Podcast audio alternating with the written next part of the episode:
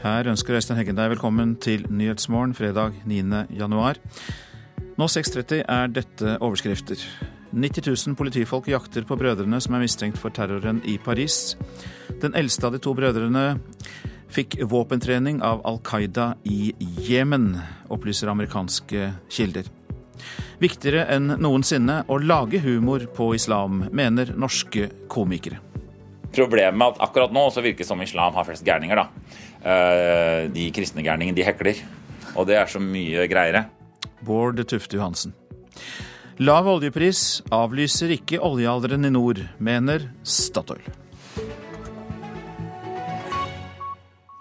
I Frankrike deltar nå nesten 90 000 polititjenestemenn i jakten på de to brødrene som mistenkes for å stå bak terrorangrepet mot satiremagasinet Charlie Hebdo onsdag. Folk i området blir bedt om å holde seg inne. De er fremdeles på frifot. Store politistyrker jakter på dem, og i natt har politiet gjennomsøkt bygninger i et område nord for Paris, der de ettersøkte terroristene kan skjule seg. Antiterrorpoliti med hjelmer og masker leter i skogsområder og landsbyer. I lufta svirrer helikoptre. Tidligere i går ble de to brødrene observerte på en bensinstasjon.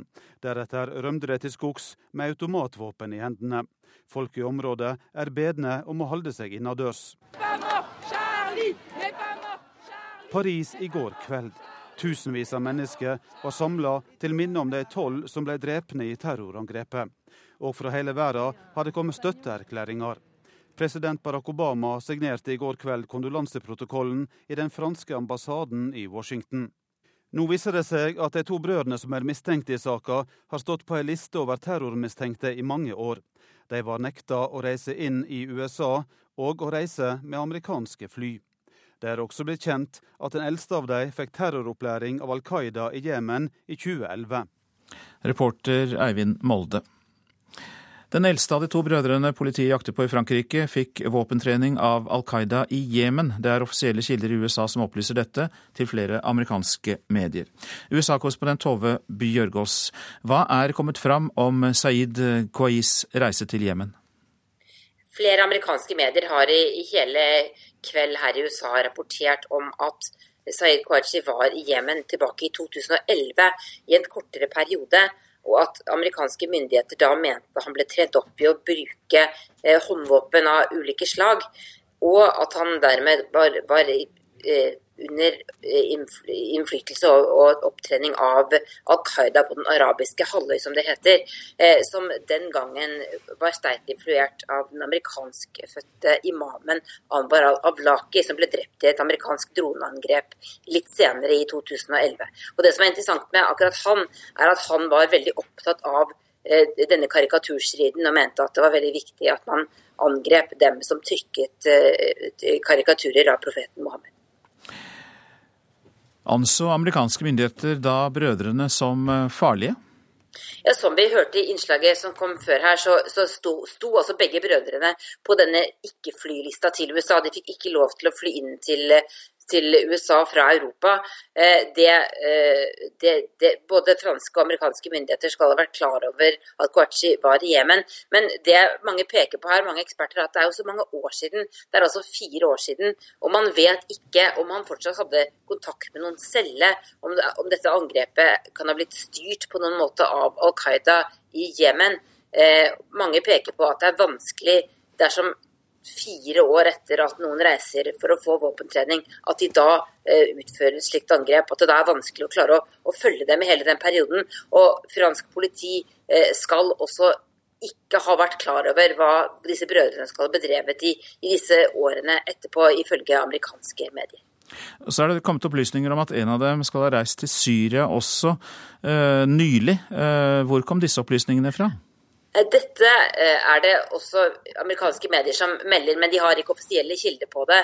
Eh, og det er en mer usikker opplysning. Men det er i kveld blitt sagt her at, at så sent som i fjor skal en av dem ha vært i Syria. Men, men som sagt, det er ikke bekreftet. Det er mye her som kan være interessant for franske myndigheter. Bistår USA på noen måte? Ja, amerikanerne sier at de gir Frankrike mye hjelp i jakten. Eh, det er vel fransk politi som står for det meste av det som skjer på bakken. Men etterretningsopplysninger fra USA eh, har vært viktig helt fra begynnelsen her. Og det er også et faktum at New York-politiet f.eks. har over lengre tid hatt etterforskere i Paris for å følge med på nettopp det muslimske eh, miljøet i Frankrike, fordi man har fryktet at at USA skal kunne bli rammet av, av europeiske ekstreme islamister. Mange takk skal du ha, USA-korrespondent eh, Tove Bjørgaas. Katrine Løkstør, god morgen til deg. God morgen. Du er ministerråd i den norske EU-delegasjonen i Brussel, tidligere europakorrespondent for oss i NRK og Paris-korrespondent for Aftenposten. Og litt om eh, forholdene internt i Frankrike. For de to ettersøkte er jo franske statsborgere med foreldre fra Algerie, og mange unge med innvandrerbakgrunn føler seg jo utenfor det franske samfunnet. Hvordan kommer det til uttrykk i det daglige? Det kommer ikke til uttrykk. Det er det som er problemet, tror jeg. Disse ungdommene og, og disse befolkningsgruppene, kan vi nesten si, for det, det, dreier seg om veldig mange mennesker etter hvert, de er i stor grad overlatt til seg selv. Det er noe av problemet. Det har eh, foregått eh, utstrakt grad av interreligiøs dialog på høyt politisk plan i Frankrike. Frankrike har flere muslimske og flere jødiske innbyggere enn noe annet europeisk land. Så der er de overordnede institusjonene eh, i god dialog med hverandre. Men på bakken har det utviklet seg gettoer. Ikke fordi noen har villet det, men fordi den hvite befolkningen har flyttet ut når innvandrerne har flyttet inn, og ingen har gjort noe for å stoppe det. Og jeg tror at det vi må peke på nå, og det som vi må virkelig være obs på nå, det er at dette gjelder alle politiske grupper i Frankrike. Altså det er ingen partier som kan si med hånden på hjertet at de har drevet en aktiv innvandrings- og integreringspolitikk. Og det verste, nesten, sånn som situasjonen nå ser ut i dag etter det som har skjedd i Paris, er at også mediene må sies å ha sviktet. Da det eksploderte i franske forsteder i 2005, fikk alle sjokk. Og fransk presse var for første gang ute i disse gettoene og forsøkte å lage stoff. Og de ble møtt med steinkasting. Det er et sinne i disse, disse områdene som, som, kan forklares på denne måten. Dette et, har vært et ikke-tema i fransk politikk. For meg så høres det ut som det passer dårlig med landet som ga oss slagordet 'frihet, likhet og brorskap'. Ja, det gjør det. Og, og, det tror jeg er noe alle franskmenn tenker over i dag. Jeg tror faktisk at man kan kalle dette som nå har skjedd, et vannskille. Fordi for første gang eh, møter venstresiden i form av Charlie Hebdo eh, dette sinnet fra innvandrerne. Det er altså eh, et tidsskrift som har irritert høyresiden i Frankrike i alle år, ikke sant? Men eh, nå rammer eh, terroristene Frankrike så presist i hjertet av verdigrunnlaget at alle våkner og ser at dette gjelder absolutt alle.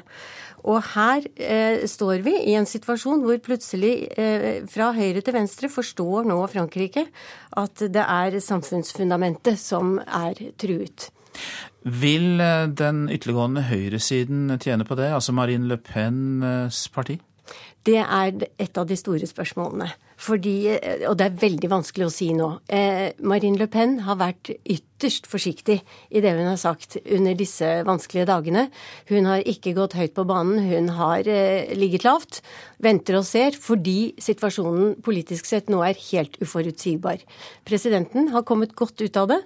Han eh, har strevd i meget lang tid nå på, på, meningsmålingene, men her har han eh, vist seg eh, som herre over situasjonen, i den grad man kan snakke om det i en sånn situasjon. Så tror jeg han møtes ikke av kritikk noe sted. Og det er altså ingen som har en bakgrunn som setter dem i stand til å rette skarp kritikk mot noen i det franske politiske terrenget nå. Alle franske politikere er i samme båt? Ja. Mange takk, Katrine Løgstør, som altså er ministerråd i den norske EU-delegasjonen i eh, Brussel. Norske komikere mener det franske terrorangrepet har gjort det viktigere enn noensinne å lage humor på islam. Eh, Bård Tufte Johansen mener muslimene må venne seg til at man tuller med religionen deres. Her er det komikerne holder til, og her er sikkerhetssystemet til komikerne. Og koden er 1, 2, 2 3, 4. Det er veldig, veldig, dårlig sikkerhet. Sier Bård Tufte Johansen på vei bak scenen på Latter i Oslo. Her ligger en lapp hvem som kommer. Her står det at det er fullt. Så står det hvis det kommer noen firmaer. Og hvis det sto da f.eks. Profeten Uma, 40 plasser, rad 1, 2, 3, så ville jeg da måtte legge om litt av showet. Men her står det Tele2. Da han skrev forestillingen Mann 44, visste han at han ville gjøre narr av islam. Det var mye snakk om det. Skal du gjøre det? Er det farlig? Orker vi det? Men han merket at det var responsen til publikum som satte grensene for hva han kunne tillate seg. Problemet er jo at terroristene på en måte vinner, jo. Fordi publikum blir redde. Det er problemet. Og når publikum blir redde, så ler de jo ikke. Man skal ikke bare tulle om islam eller om muslimer. Sier komiker Sigrid Bonde Tusvik. Absolutt alt må man tulle om. Hele tiden. Hun mener drapene i Frankrike har gjort det viktigere enn noensinne å lage den humoren man selv vil. For å vise at komikere, og da også journalister, må få lov til å kunne skrive om absolutt hva de vil, og også lage satire på det. Det her er virkelig verdikamp på sitt mest grunnleggende. Sier komiker Dag Sørås, som leder det satiriske radioprogrammet Sannhetsministeriet i NRK. Særlig som standup-komiker har Sørås laget mye religionskritisk humor. Han sier det er ufattelig at de franske tegnerne trolig ble drept pga. sin humor på samme tema. Hvis du ser på det som jeg gjør, at de ble myrda fordi de sto opp for sin egen ytringsfrihet, så må du tenke hvordan skal du hylle dem? Skal du hylle dem med å begynne å tilpasse deg, innskrenke din egen ytringsfrihet. Det vil jo virkelig bare være å hylle verdiene til de som myrder dem. Bård Tufte Johansen vil også fortsette å lage humor på islam. Det er jo viktig at alle prøver å tulle med alt. At ikke de slipper unna. Det er en modningsprosess de må gjennom, tror jeg da. De, etter hvert så blir de sikkert tulla så mye med at de, de, ser at det går bra. Problemet er at akkurat nå så virker det som islam har flest gærninger, da. Eh, de kristne gærningene, de hekler. Og det er så mye greiere. Ja, det sa Bård Tufte Johansen. Og reportere her, Runa Rød og Petter Sommer. Så til eh, avisene. Toskeskap å publisere Mohammed-karikaturer etter terrorangrepene i Paris, det sier Lars Ekerhold, kommunestyrerepresentant for Høyre i Tromsø, til avisa Nordlys. Når man vet at dette setter menneskers liv og helse i fare, når man vet konsekvensene, da syns jeg at det blir litt pubertetsmessig at man føler en slik eh, barnslig trang til å trykke tegningene, sier Ekerhold. Alle religiøse må tåle å bli krenket, sier sogneprest Lars Martin Dahl i Grønland menighet i Oslo til Vårt Land. Religionskritikk er nødvendig og viktig, men vi bør kunne ta til motmæle når noen latterliggjør og sårer, sier Dahl. Norske næringslivstopper frykter økt terror, kan vi lese i Dagens Næringsliv.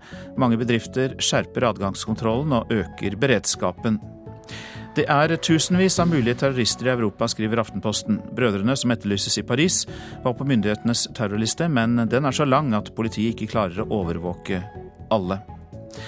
Hardere fronter i Frankrike kan vi lese i Dagsavisen. Folk de har snakket med, sier at de frykter at ekstremister vil forsterke både det ytre høyre og, det, og de radikale islamistene. Eva Jolie er på Klassekampens forside og sier at hun er i sjokk og sorg etter at hun mistet flere av sine kjente i terrorangrepet mot Charlie Hebdo. De var en del av mitt liv, sier Jolie, som frykter mer hat mot muslimer. Og Både Dagbladet og VG har eh, Paris-terroren på forsidene og skriver om hvem de ettersøkte brødrene er. Stjeler alkohol, snus og sigaretter og selger det videre på nettet. Bergensavisen forteller at politiet i byen har oppdaget flere gjenger med mindreårige som selger rusmidler på nettet. Politiet ber foreldrene om å våkne. Norge henger etter i kampen mot bakteriene, kan vi lese i Nasjonen. Dag Berlid, som forsker på bakterier som ikke lar seg knekke antibiotika, sier at vi bør lære av Sverige. Der har de vært offensive i kampen mot antibiotikaresistente bakterier siden 1990-tallet. Sunnmøringer blir årets trøndere. Jubelen vil ingen ende ta for May-Britt og Edvard Moser, kan vi lese i Adresseavisen. De, ehm, det er avisen som deler ut denne prisen sammen med NRK Trøndelag. Og et flertall av trønderne som var med og stemte, ville at nobelprisvinnerne skulle ha prisen som årets trøndere. Therese Johaug er frustrert over at hun ikke har fått maksimalt ut av formen under Tour de Ski, og at litt av gnisten er borte. Hun må kjempe hardt i helgen for å klare andreplassen foran Heidi Weng. Egne prestasjoner i løypa irriterer Johaug. Jeg kjenner på en måte at eh, jeg får ikke ut det eh, jeg vil få ut teknisk på ski, og det er kanskje det som irriterer meg litt. Podium, again, Bjørgen, Heidi Weng og Therese Johaug. Etter at hun gikk inn til tredjeplass på gårsdagens jaktstart i Tobler, kunne man se i øynene til Johaug at litt av gnisten var borte, og hun klarte ikke å legge skjul på skuffelsen. jeg kjente kanskje at jeg manglet det siste trekket som jeg ville ha. Men uh, sånn er det. Noen dager er bra, og andre dager er mindre bra. og Det er det som gjør sporten her så spennende. så. Men Johaug prøver innbitt å overbevise seg selv og de rundt seg at hun er motivert for de to siste etappene i helgen. Og jeg er veldig revansjelysten, og jeg har lyst til å komme tilbake på det nivået jeg var på før jul. Og det er ikke så mye hjelp og motivasjon å hente hos landslagstrener Egil Kristiansen, for han levner ikke Johaug mye håp om å klare andreplassen i Tour de Ski. Hun må jo kanskje knappe inn noen sekunder der hvis hun skal ha noe, noe sjanse på andreplassen, tror jeg. Så per nå så ser den ganske sikker ut eh, til Heidi. Reporter det var Geir Elle. Dette er Nyhetsmorgen, og klokka den nærmer seg 6.46. Og dette er hovedsaker. Den eldste av de to brødrene politiet jakter på i Frankrike, fikk våpentrening av Al Qaida i Jemen. Det er offisielle kilder i USA som sier det. I Frankrike deltar nesten 90 000 polititjenestemenn i jakten på brødrene, som altså mistenkes for terrorangrepet mot satiremagasinet Charlie Hebdo. Lav oljepris avlyser ikke oljealderen i nord, mener Statoil. Mer om det snart. Men nå om en god nyhet, for alle de fem om bord ble reddet da en fiskebåt gikk ned i Barentshavet om lag tolv mil nord for Båtsfjord i natt. Hovedredningssentralen fikk beskjed om forliset ved tretida. Og reporter Kristine Svendsen, du har fulgt med på dette, og hva skjedde? Ja, Det var jo en eh, ganske dramatisk situasjon. For klokka halv fire i natt så fikk Hovedredningssentralen beskjed om at en eh, fiskebåt med fem mann om bord tok inn eh, vann, og at den like etterpå sank. Og Man var veldig lenge usikker på om de her lå og fløyt i sjøen, eller om de hadde redningsflåter. Og nærmeste helikopter var to timer unna. Samtidig så var det dårlig vær i området, kuling og etter hvert storm. Så, så fem skip og to helikoptre ble sendt til området. Og i halv seks-tida så kom det første helikopteret frem, og da oppdaga man to redningsflåter som var i sjøen. Og den ene var tom, men den andre, der var det fem eh, mann om bord. Alle ble heist opp i helikopteret, de har fått en liten sjekk, og det virker som om eh, alle har det bra. Nå undersøker man dem litt grundigere for å se om de skal bli sendt til eh, sykehus, eller om de skal bli sendt hjem. Lykkelig slutt eh, på forliset i Barentshavet. Takk for at du kom i studio og orienterte oss, Kristine Svendsen. Letemannskaper har oppdaget signaler fra den såkalte svarte boksen til det styrtede Air Asia-flyet. Dykkere forsøker å hente opp boksen som kan gi viktig informasjon om hvorfor flyet styrtet i Javasjøen i det sørlige Stillehavet. Sri Lankas president eh, Mahinda Rajapakse innrømmer nederlag i forsøket på å bli gjenvalgt. I dag tidlig lokal tid hadde presidenten et møte med tidligere statsminister Ranil Vikremeshinge, der han lover en fredelig overføring av makten i henhold til folkets ønsker. Opposisjonskandidaten ligger an til å få rundt 53 av eh, stemmene. Nå hjem igjen til søndagsåpne butikker, for det har jo ført til heftige diskusjoner. Og i dag legger regjeringen fram sitt forslag. I Hedmark og Oppland har flere turistkommuner hatt søndagsåpne butikker i flere år allerede. Øyer er en av dem, der Høyre-ordfører Mari Botterud støtter regjeringens forslag om åpne butikker. Men både blant butikkansatte og kunder er meningene delte. Syns du det er greit med søndagsåpne butikker? Nei, personlig så syns jeg ikke det. Jeg reiser ikke på butikken en søndag. Britt Ragnhild Manengen kommer ut fra en dagligvarebutikk i Øyer. Som kunde mener hun det er flere grunner til å si nei til regjeringas forslag om søndagsåpne butikker.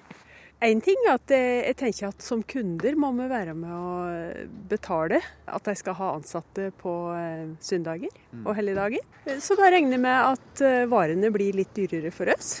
Men Manengen mener søndagsåpne butikker også er uheldig av flere grunner. Først og fremst så tenker jeg, jeg tenker kulturelt. Altså Vi har kultur for å ha en dag i uka som en eh, ja, helligdag og fridag for folk, og det tror jeg folk trenger.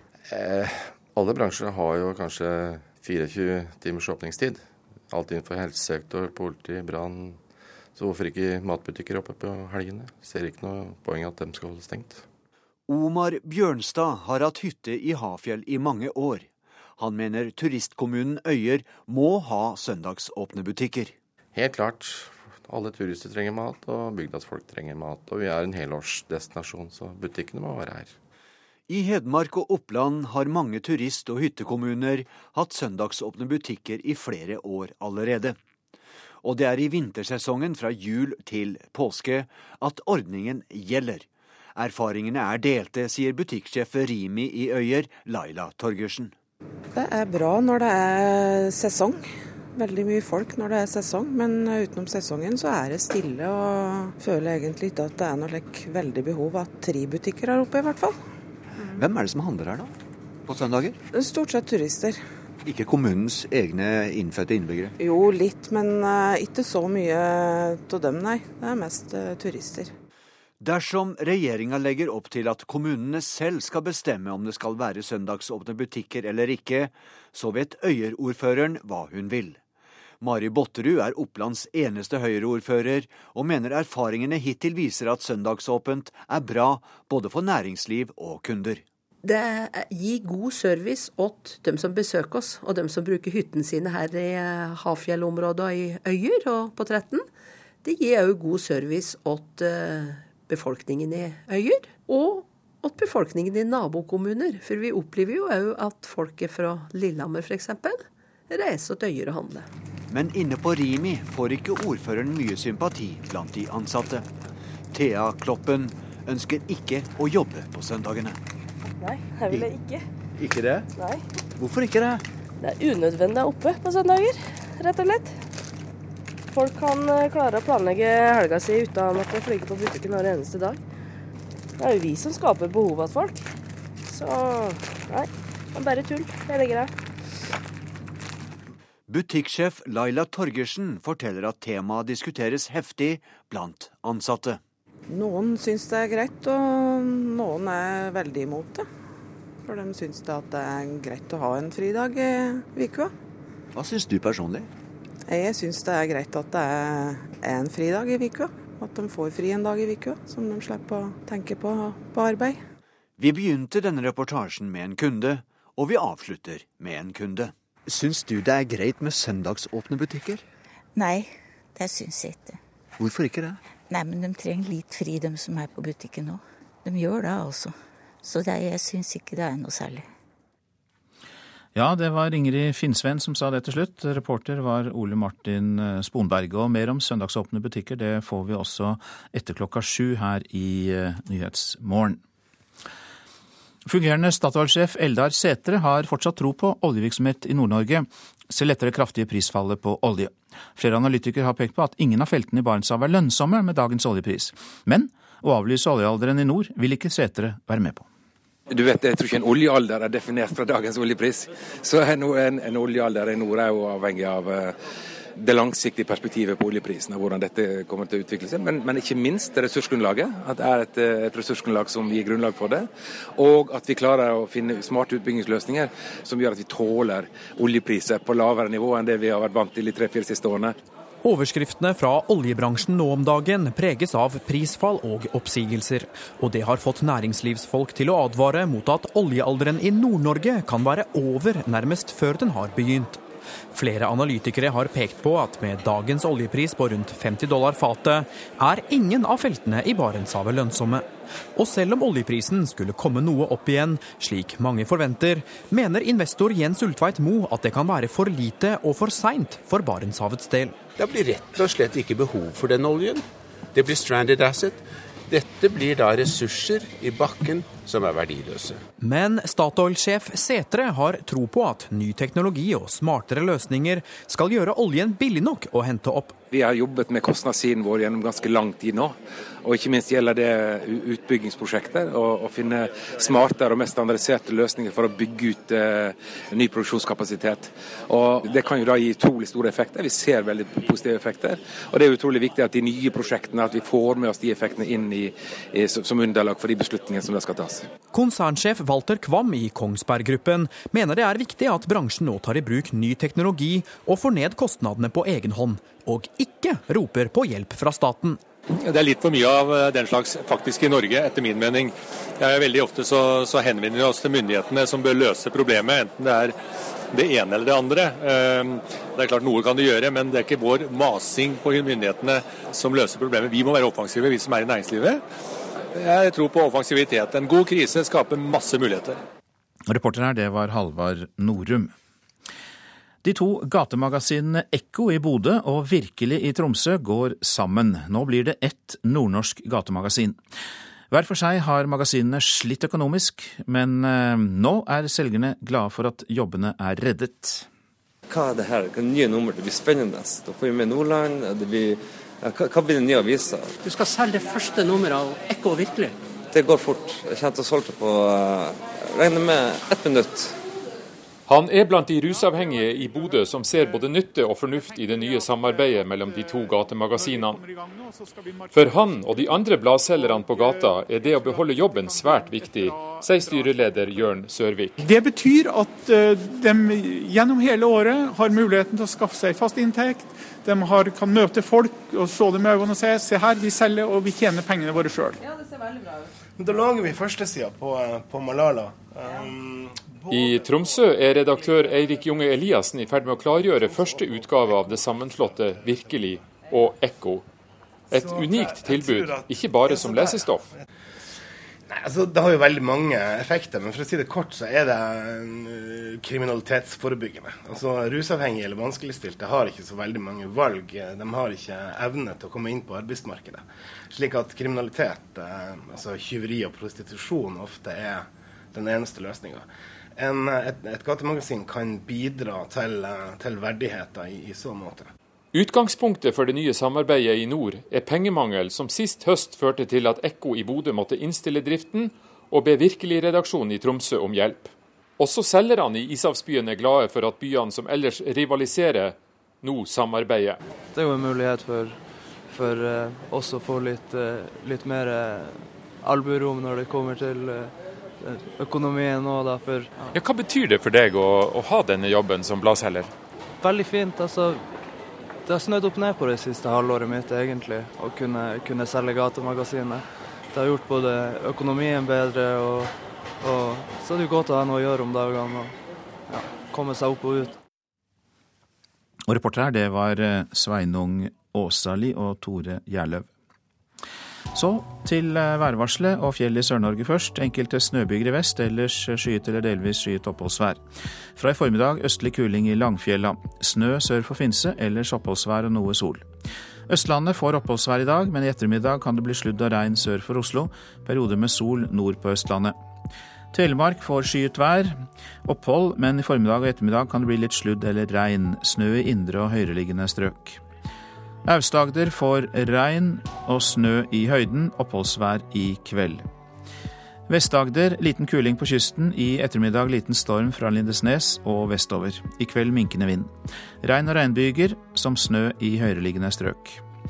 Så til Rogaland, sørøst sterk kuling. I formiddag øking til vestlig liten og kan hende full storm sør for Boknafjorden. I kveld dreiende nordvest og minkende vind. Regn og regnbyger, snø i høyden. Hordaland sørøst sterk kuling. I ettermiddag minkende. I kveld sørlig liten kuling på kysten. Regnbyger. I kveld regn. Nedbør som snø over 300 meter. Sogn og Fjordane sørøst stiv kuling. I ettermiddag minkende og eh, oppholdsvær. Til kvelden igjen sørlig stiv kuling på kysten og regn. Snø i høyden. Møre og Romsdal periodevis liten kuling på Sunnmøre, stort sett oppholdsvær. Trøndelag enkelte regnbyger, snøbyger i indre strøk og i høyden. I kveld liten kuling og oppholdsvær. Nordland enkelte regnbyger, snøbyger i indre og høyereliggende strøk. Troms i nord sørøstlig liten kuling utsatte steder. Ellers sørlig bris. I kveld sørøstlig stiv kuling i nord. Spredt sludd og snø. Finnmark sørøstlig stiv kuling utsatte steder. Litt snø av og til. Nordensjøland på Spitsbergen. Sørøstlig stiv kuling utsatte steder. Litt snø. Seinere oppholdsvær. Temperaturer klokka fire. Svalbard lufthavn én grad. Kirkenes minus sju. Vardø minus tre. Alta minus to. Tromsø null. Bodø pluss én. Trondheim pluss tre. Molde én. Bergen, Stavanger og Kristiansand tre. Gardermoen minus to. Lillehammer minus fem. Røros minus 13 og Oslo-Blindern minus to.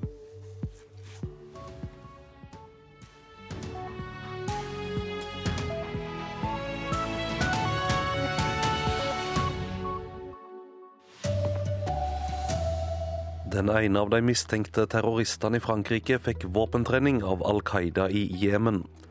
Mannskap på fem berga etter forlis i Barentshavet. Her er NRK Dagsnytt klokka sju. Flere titall tusen væpna politifolk leter fremdeles etter terroristene i Frankrike.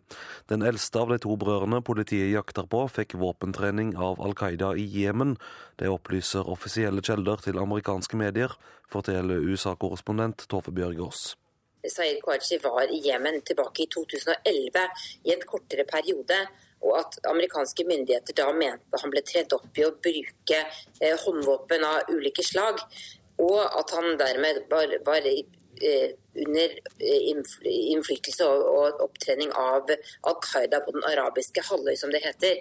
Eh, som den gangen var sterkt influert av den amerikanskfødte imamen Anwar al-Ablaki, som ble drept i et amerikansk droneangrep litt senere i 2011. Og Det som er interessant med akkurat han, er at han var veldig opptatt av denne karikaturstriden og mente at det var veldig viktig at man angrep dem som trykket eh, karikaturer av profeten Mohammed.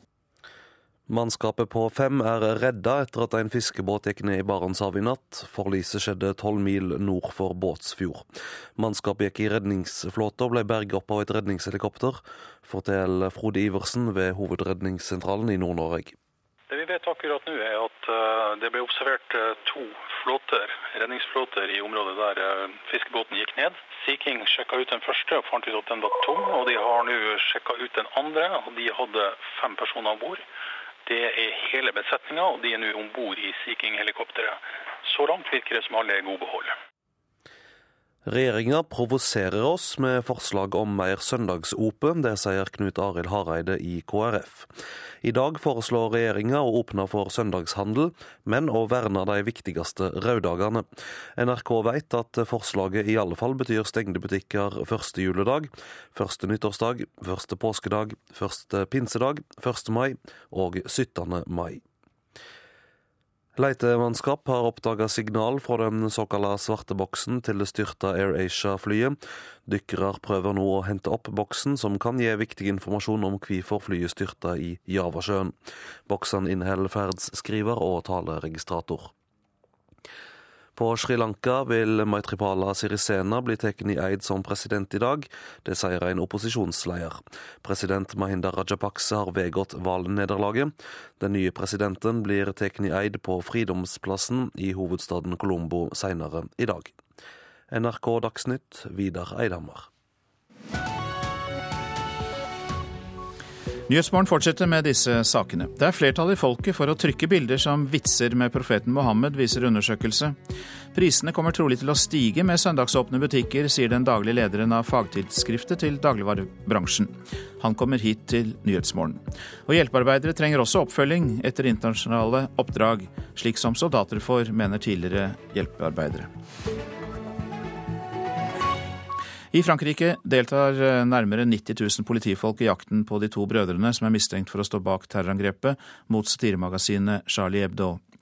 Og eh, de er jo fortsatt på frifot, som vi hørte i Dagsnytt. Korrespondent Åse Marit Befring i Paris, eh, si litt mer om hvordan jakten foregår. Ja, Den jakten som foregår nå, det er i et enormt skogområde som ligger nordøst for Paris. Det skjer både fra lufta og på bakken. Det er helikoptre med spesialutstyr, lysutstyr, eh, som, som forsøker å, å, søke denne skogen for eh, de to som er ettersøkt for terrorhandlingen. Og Det vi får høre, er at at de, altså de, har jo ikke noe spor etter dem. Det eneste de vet, er at Eh, denne mannen som ble ranet på bensinstasjonen i går, eh, sa at eh, det var de to etterlyste som ranet han. Han mente at han gjenkjente dem, og så forsvant de etter det. Og nå forsøker man altså å, å søke gjennom et enormt skoghold på størrelse med Paris, faktisk, for å se om man klarer å, å, å oppspore dem der. Man mener man sirkler dem inn, men man vet jo heller ikke om de er til fots, selv om det er det som blir sagt nå.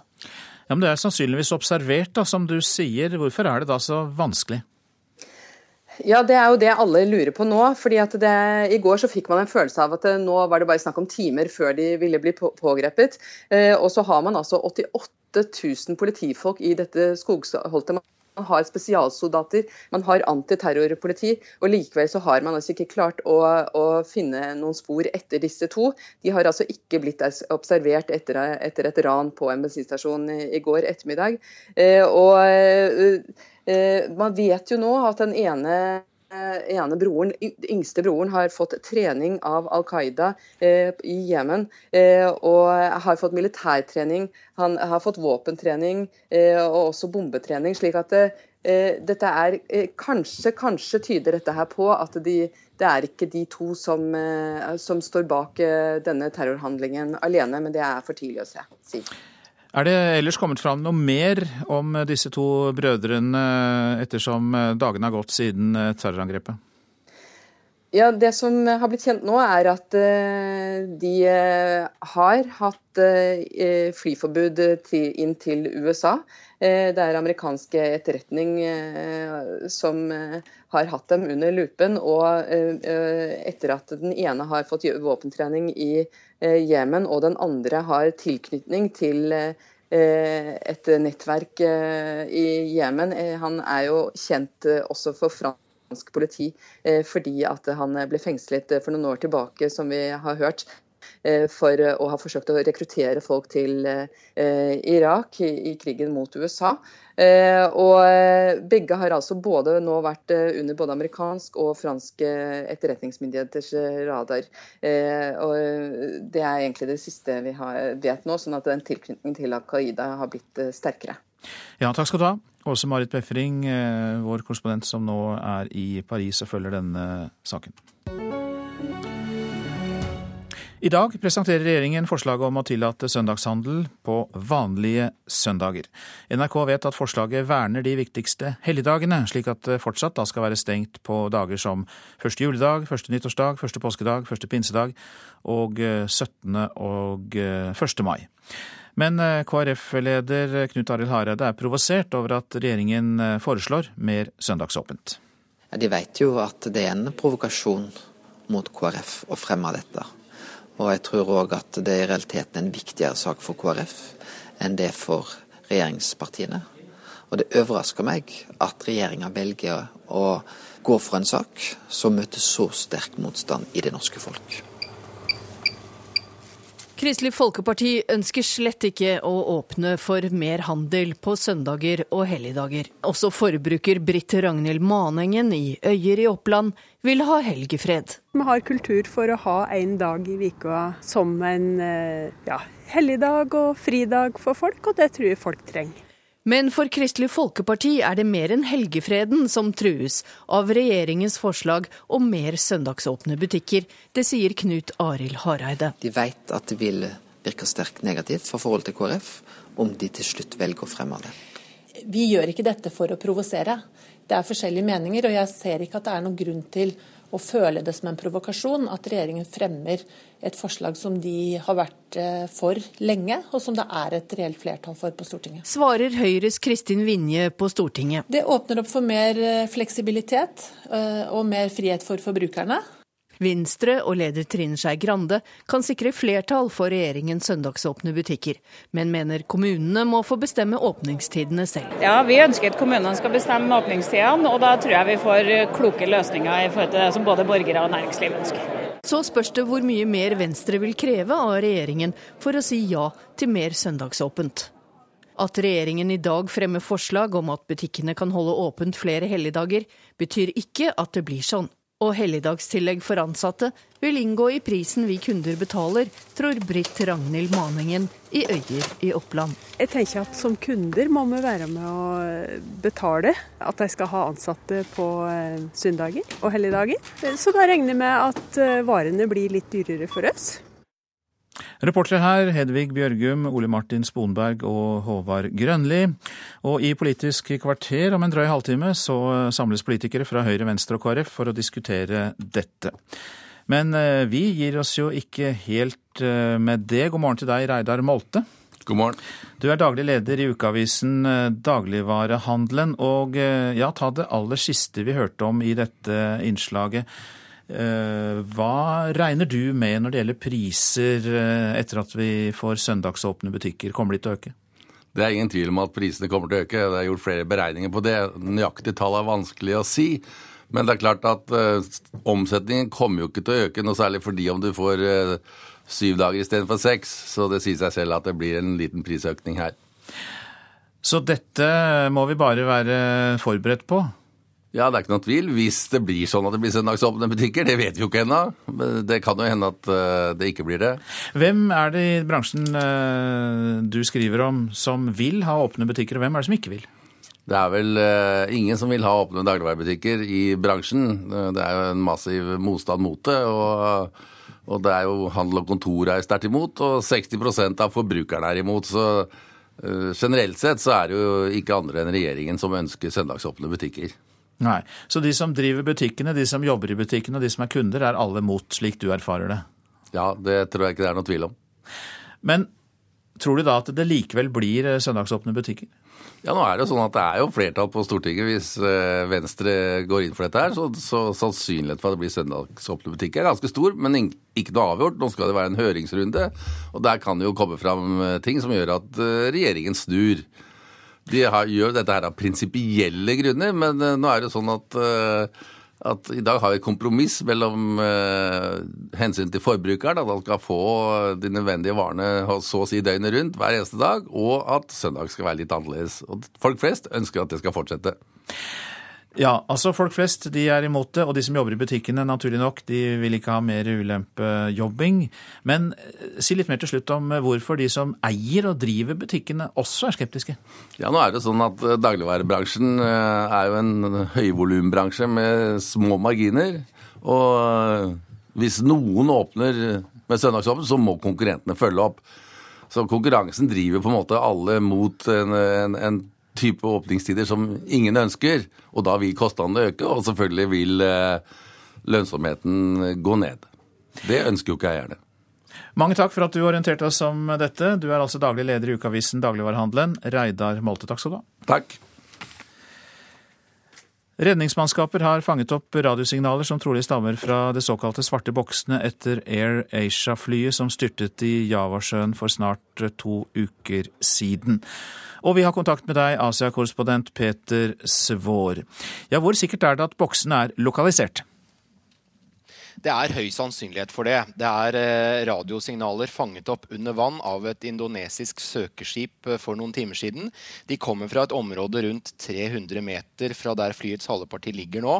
Og for en drøy time siden begynte dykkere å forberede seg på å gå ned og lete etter det som kalles de svarte boksene, men altså utgjør ferdskriveren og taleregistratoren for denne forliste Airbus-maskinen. Det er mulig at de må heve halepartiet for å få boksene opp til eh, overflaten. men det at de gjør dette funnet, er jo ikke så overraskende, gitt at vraket ble lokalisert ganske raskt, og at eh, flyet styrtet på ganske grunt vann. Det er ikke mer enn 30-40 meter dypt. Hvor viktig er slike bokser med avanserte måleinstrumenter, det vet vi jo, i eh, etterforskningen? Veldig viktige, fordi de vil gi svar på nøyaktig hva som skjedde i de siste kritiske minuttene denne, før denne fatale styrten. Det vi vet, er jo at flyet fløy inn i et stormområde, og rett før flyet forsvant, hadde de bedt om å endre høyde for å komme unna denne stormen. Det kom aldri noe nødsignal fra cockpit. Taleregistratoren og ferdskriveren kan gjenskape alle flyets instrumenter, eh, vise hva som ble sagt, hva, hva instrumentene viste, og hva som ble sagt i cockpit, og det vil gi viktige svar i første rekke for de pårørende, slik at de får visshet i hva som skjedde, men kanskje aller viktigst for flyprodusenten og for luftfartsindustrien, for å se om det var en teknisk svikt som bidro til dette havariet, slik man jo så etter Air France-forliset i 2009, om man kan lære noe for å unngå slike ulykker i fremtiden. Og så er det en oppvask på gang eh, i indonesiske luftfartsmyndigheter. Eh, hvorfor det? Ja, Det indonesiske samferdselsdepartementet har tatt en ganske aggressiv linje mot flyselskapet AirAsia, og mange av sine egne ansatte også, som har vært med på å gi dette selskapet tillatelser. Det er flere ansatte i den indonesiske luftfartsmyndigheten som har fått sparken. Og AirAsias lisens er også midlertidig inndratt. Men det er verdt å merke seg at eh, flyselskapet AirAsia inntil denne ulykken har hatt bortimot plettfri vandel sikkerhetsmessig. og Det kan man ikke si om indone eh, indonesiske luftfartsmyndigheter, som eh, er et land hvor de fleste av landets flyselskap er på EUs flyforbudsliste. En viktig årsak til det er nettopp at eh, myndighetenes regulering og kontroll med flybransjen har vært for dårlig. Takk skal du ha, Asia-korrespondent Peter Svaar. Dette er Nyhetsmorgen, og klokka den passerte nettopp kvart over sju, og vi er disse hovedsakene. Den eldste av de to brødrene politiet jakter på i Frankrike, fikk våpentrening av Al Qaida i Jemen. Det er kilder i USA som opplyser dette. Nærmere 90 000 politifolk jakter nå på de to brødrene, som altså er mistenkt for terroraksjonen mot eh, tidsskriftet Charlie Hebdo. Det er flertall i folket for å trykke bilder som vitser med profeten Mohammed. Det er en undersøkelse vi skal omtale om få sekunder. Og regjeringen foreslår i dag å tillate søndagshandel. Den provoserer, sier KrF-leder Knut Arild Hareide. Ja, det er altså et klart flertall av de spurte her i landet som svarer at de er positive til at mediene trykker vitsebilder av profeten Mohammed. Nordfakta har på vegne av NRK spurt 500 nordmenn om hva de mener om publisering av tegningene. 65% er for at mediene skal vise Mohammed-karikaturer, bare 15% er mot. Undersøkelsen passer dermed godt med de svarene som vi fikk i Oslo sentrum i går kveld. Så er det klart at det må det være opp til hver enkelt avis, føler jeg da. Man må kunne få skrive det man vil. Nei, jeg syns vi kan få lov til å si og uttrykke hva vi mener, og ikke la oss skal vi si, bestyre av andre. Er du for eller eh, mot? Både òg. En tegning som skal forestille profeten Mohammed med naken rumpe rett i været. Det er bilder som dette magasinet Charlie Hebdo har provosert med. De fleste i undersøkelsen Norfakta har gjort for NRK, er positive til at bilder som dette vises. 500 mennesker har fått spørsmålet. Er du for eller imot at aviser, magasin eller andre viser tegninger av den islamske profeten Mohammed, slik det franske satiremagasinet Charlie Hebdo har gjort? 65% er for, 15 imot, resten svarer vet ikke. Mange muslimer opplever dette som mobbing eh, som rett og slett trakassering. Sier Metab Afsar i Islamsk råd Norge. Han mener det er en manglende forståelse av hvor viktig profeten er for muslimer. Jeg tror Hvis man forstår det, så vil man også ha en eh, fremstilling, eh, og, og, og, kanskje da eh, en fremtoning, som ikke krenker folk. Man skal ikke provosere bare for å provosere. Jeg tror folk har et ønske om å se disse tegningene som det har som har skapt eh, denne tragedien her. Sier forlagsredaktør og tidligere høyskolelektor i journalistikk, Nasnin Khan Østrem. Eh, derfor tror jeg det er viktig å publisere disse tegningene, så vi kan forstå eh, og skjønne mer av konteksten. Og ikke minst forstå konteksten disse tegningene er blitt publisert i. Fordi de er jo stort sett slauspark til den konservative reaksjonære siden ved islam og radikale islamister. Og det var eh, Fredrik Lauritzen som var reporter eh, her. Atta Ansari, god morgen til deg. God morgen. Du er journalistkollega her i NRK. Du jobbet mye med karikaturstriden i 2006. Eh, ja, hva syns du om det du hører her, at et flertall er for publisering av slike karikaturer? Jeg syns det er kjempepositivt, fordi at hele vår opplæring og oppdragelse her i Norge dreier seg om at vi skal bevare demokratiet. Og ytringsfriheten er jo da selvsagt en, eh, en viktig stolpe i dette. Eh, og så er det sånn at eh, en ting er hva folket sier og mener, men en annen ting er hva redaktørene vurderer og bestemmer. Fordi at det er veldig viktig å, å bevare den friheten hos redaktørene, altså myndigheten, for å bestemme og vurdere hva de publiserer eller ikke publisere, den skal være hos redaktørene. Uh, og det er veldig viktig, fordi uh, det er viktig å bevare liksom, mangfoldet av meninger, ytringer, uh, publiseringer, og at det som Henrik Ibsen også har advart mot, at ikke vi medier blir liksom den der kompakte majoriteten mot en bestemt folkefiende, det er veldig vesentlig. Når det gjelder dette med angrep på journalister, så er jo dette selvfølgelig en veldig stor tragedie. Men det er jo ikke første gang at journalister er blitt drept for å ha publisert, eller redaktører er blitt truet eller blitt drept eller skadet eh, for å ha publisert eller for å ha ytret eller ment noe eller for å, for å ha formidlet noe. Vi ser det i Pakistan, vi ser det i Egypt. Vi har sett at eh, redaksjoner i Afghanistan og Egypt f.eks. er blitt eh, direkte angrepet. Og vi har i mange, mange år sett at journalister journalister f.eks. i Latin-Amerika blir da til stadighet kidnappet, torturert og drept. Du har jo et uh, klart syn på dette med publisering av slike vitsetegninger eller karikaturer. Men Hvorfor er reaksjonene så sterke i uh, store deler av det muslimske miljøet?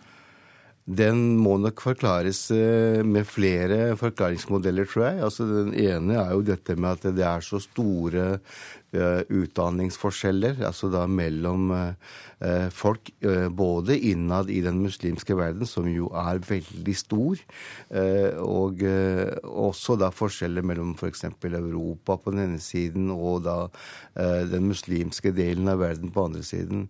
Og så har det jo selvfølgelig noe med historikk å gjøre her, og det er det at veldig mange av disse muslimske landene har vært kolonisert har vært under da f.eks. britisk eller fransk eller portugisisk eller spansk eh, styre. Og eh, det er jo ikke så lenge siden disse landene ble frie, og mange kanskje fortsatt liksom da har en sånn historisk følelse over at eh, nå tråkker de på oss igjen. Nå skal de forsøke å bestemme da over oss igjen. Og en annen ting som også vi kjenner da til fra liksom etter kolonitiden, er at veldig mange av disse landene har hatt diktaturer og eh, da statsoverhoder som har eh, hatt liksom veldig eh, mye velsignelse og støtte fra vestlige land, men for sitt eget folk så har de vært da despoter, rett og slett. Og det takker også da veldig mange i den muslimske verden da Vesten for. Og når da karikaturtegningene kommer, og til, til, i tillegg så har vi jo da en, en, en situasjon etter 11.9. Så det er veldig mange kontekster her som på en måte da tingene forklares og forstås i. Derfor så syns jeg det er veldig vesentlig og viktig at mediene og redaktørene forsøker alt de kan å oppbevare sine, altså mangfoldet i mediene, og at de begrunner det de gjør. Mange takk skal du ha, Atta Ansari, som er journalist her i eh, NRK. Takk skal du ha. Hjelpearbeidere som deltar i internasjonale oppdrag får ikke den oppfølgingen de trenger. Det mener Rolf Borgås, tidligere hjelpearbeider og prosjektleder i nettverket Borte bra, men hjemme. Han mener disse menneskene har samme behov for oppfølging som soldater, og ønsker nå at politikerne kommer på banen. Det erkjennes ikke nok at også helter kan være sårbare. Vi blir ofte sett på som helter, eh, som reiser ut og skal utgjøre en eh, forskjell. Og det er viktig, men det å bli ivaretatt etter at du kommer tilbake, den jobben har vi forsømt over mange mange år, etter min mening. Det sier Rolf Borgås, som for ti år siden kom hjem til Norge etter mange år som hjelpearbeider i internasjonale operasjoner. Ifølge en internasjonal studie fra Columbia University fra 2012 øker de tøffe arbeidsforholdene faren for at hjelpearbeidere utvikler angst og depresjon. Borgås sjøl forteller om søvnproblem og stress som han relaterer til åra i felten. Hans Erik Haug, HR-sjef i Norsk Folkehjelp, sier deres oppfølging av ansatte har blitt bedre med åra. Jeg tenker vel at uh, Man føler alltid at det kan bli bedre. Uh, slik at jeg tror de fleste jobber jo med å gjøre det, gjøre det bedre og bedre.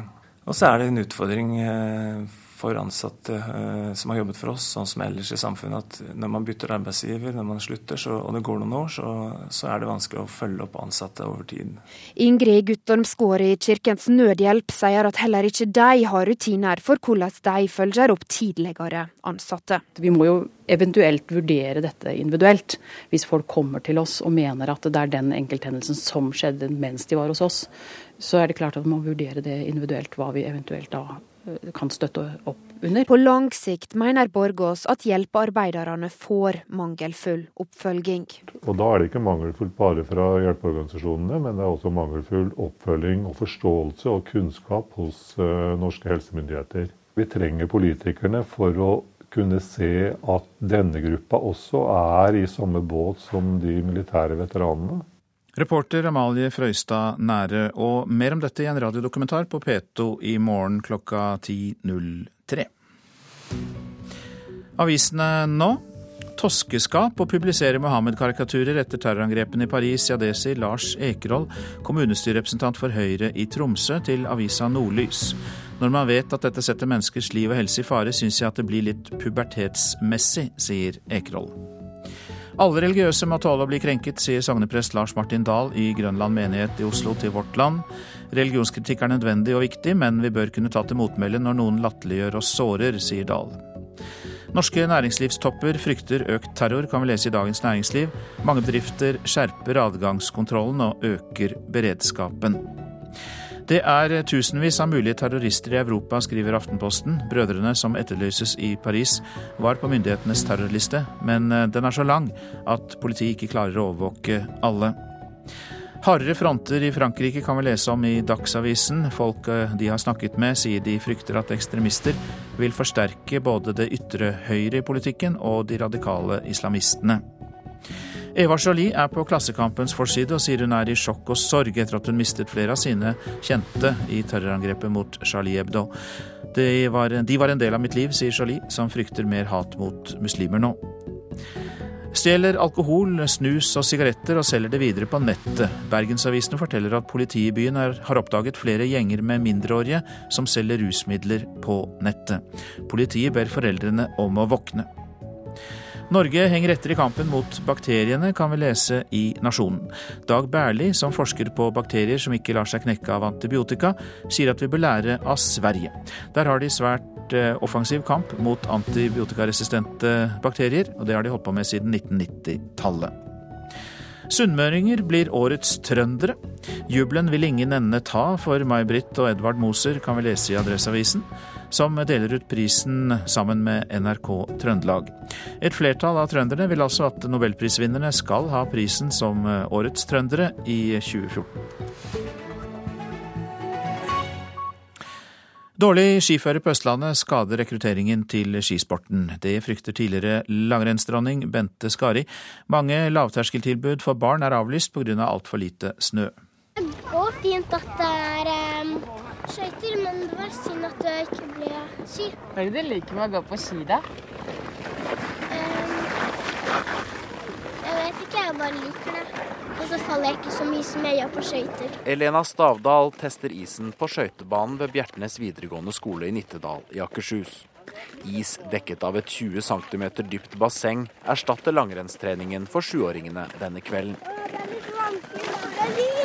Skistadion i bygda er en sørpepytt. Det har blitt få langrennsturer denne vinteren. Det er eh, altfor lite snø. Hva syns du om det, da? At du ikke får gått på ski? Dårlig. Det er den andre vinteren på rad at snøen uteblir. Trener for sjuåringene i Nittedal er tidligere VM- og OL-mester i langrenn, Bente Skari. Jeg syns det er synd, eh, og først og fremst fordi altså, mye av den gleden som jeg har hatt av å, å gå på ski. Det har vært kjempegøy å, å, gå på ski og leke seg ute i, i snøen generelt. Og at ikke, ikke skal få oppleve det, det syns jeg er uh, veldig kjedelig. Hun frykter mange snøfattige vintre i framtiden vil få konsekvenser for rekrutteringen til skisporten. Det vi risikerer er jo at det blir uh, langt færre barn som da lærer å gå på ski og får den, den gleden. Og da vil det jo bli mindre rekruttering. Og når det blir nye snøvintre igjen, som jeg tror det blir, så har jo ikke de den grunnleggende basisen som egentlig er veldig godt å ha fra barna. Da er det ikke så lett å komme seg ut som voksen heller, hvis man ikke har den si, grunnleggende teknikken som man lærer seg som barn. Det er ikke bare i Nittedal forholdene for skiidrett er elendig. Kunstsnø i noen få rundløyper i Oslo og Akershus redder de aktive skiløperne til en viss grad, men administrasjonssjef Tor Gjelsvik i Akershus skikrets forteller at mange skiskoler og lokale lavterskelrenn for barn har blitt avlyst. Den uh, natursnøen som vi er avhengig av for å få holde rekrutteringsnivået oppe, den, den uh, har vi jo veldig lite av. Det, det finnes vel kanskje bare en par-tre steder hvor det går an å gå på natursnø nå. Litt enklere med skøyter etter hvert. Men fortsatt er det langrenn som er favoritten. Dårlige skiforhold ødelegger likevel ikke barnedrømmer i Nittedal. Erlend Hovengen Lundin har målet klart. Ja, jeg vil bli verdensmester. Intet mindre. Reportere her det var Simon Skjelbostad Yseth og Ingvild Baltersen Sund. Det er Kari Bekken Larsen som er prosent for Nyhetsmorgen i dag. Her i studio Øystein Heggen. I reportasjen etter Dagsnytt skal vi til Kenya og høre om drapet på et vitne i rettssaken som blir ført mot landets visepresident i den internasjonale domstolen i Haag. Søndagsåpent eller ikke? Ja, det er tema for debatten i Politisk kvarter kvart på åtte. Og har du tips eller kommentarer, så er e-posten til oss 03030 krøllalfa nrk.no. 03030 krøllalfa nrk.no.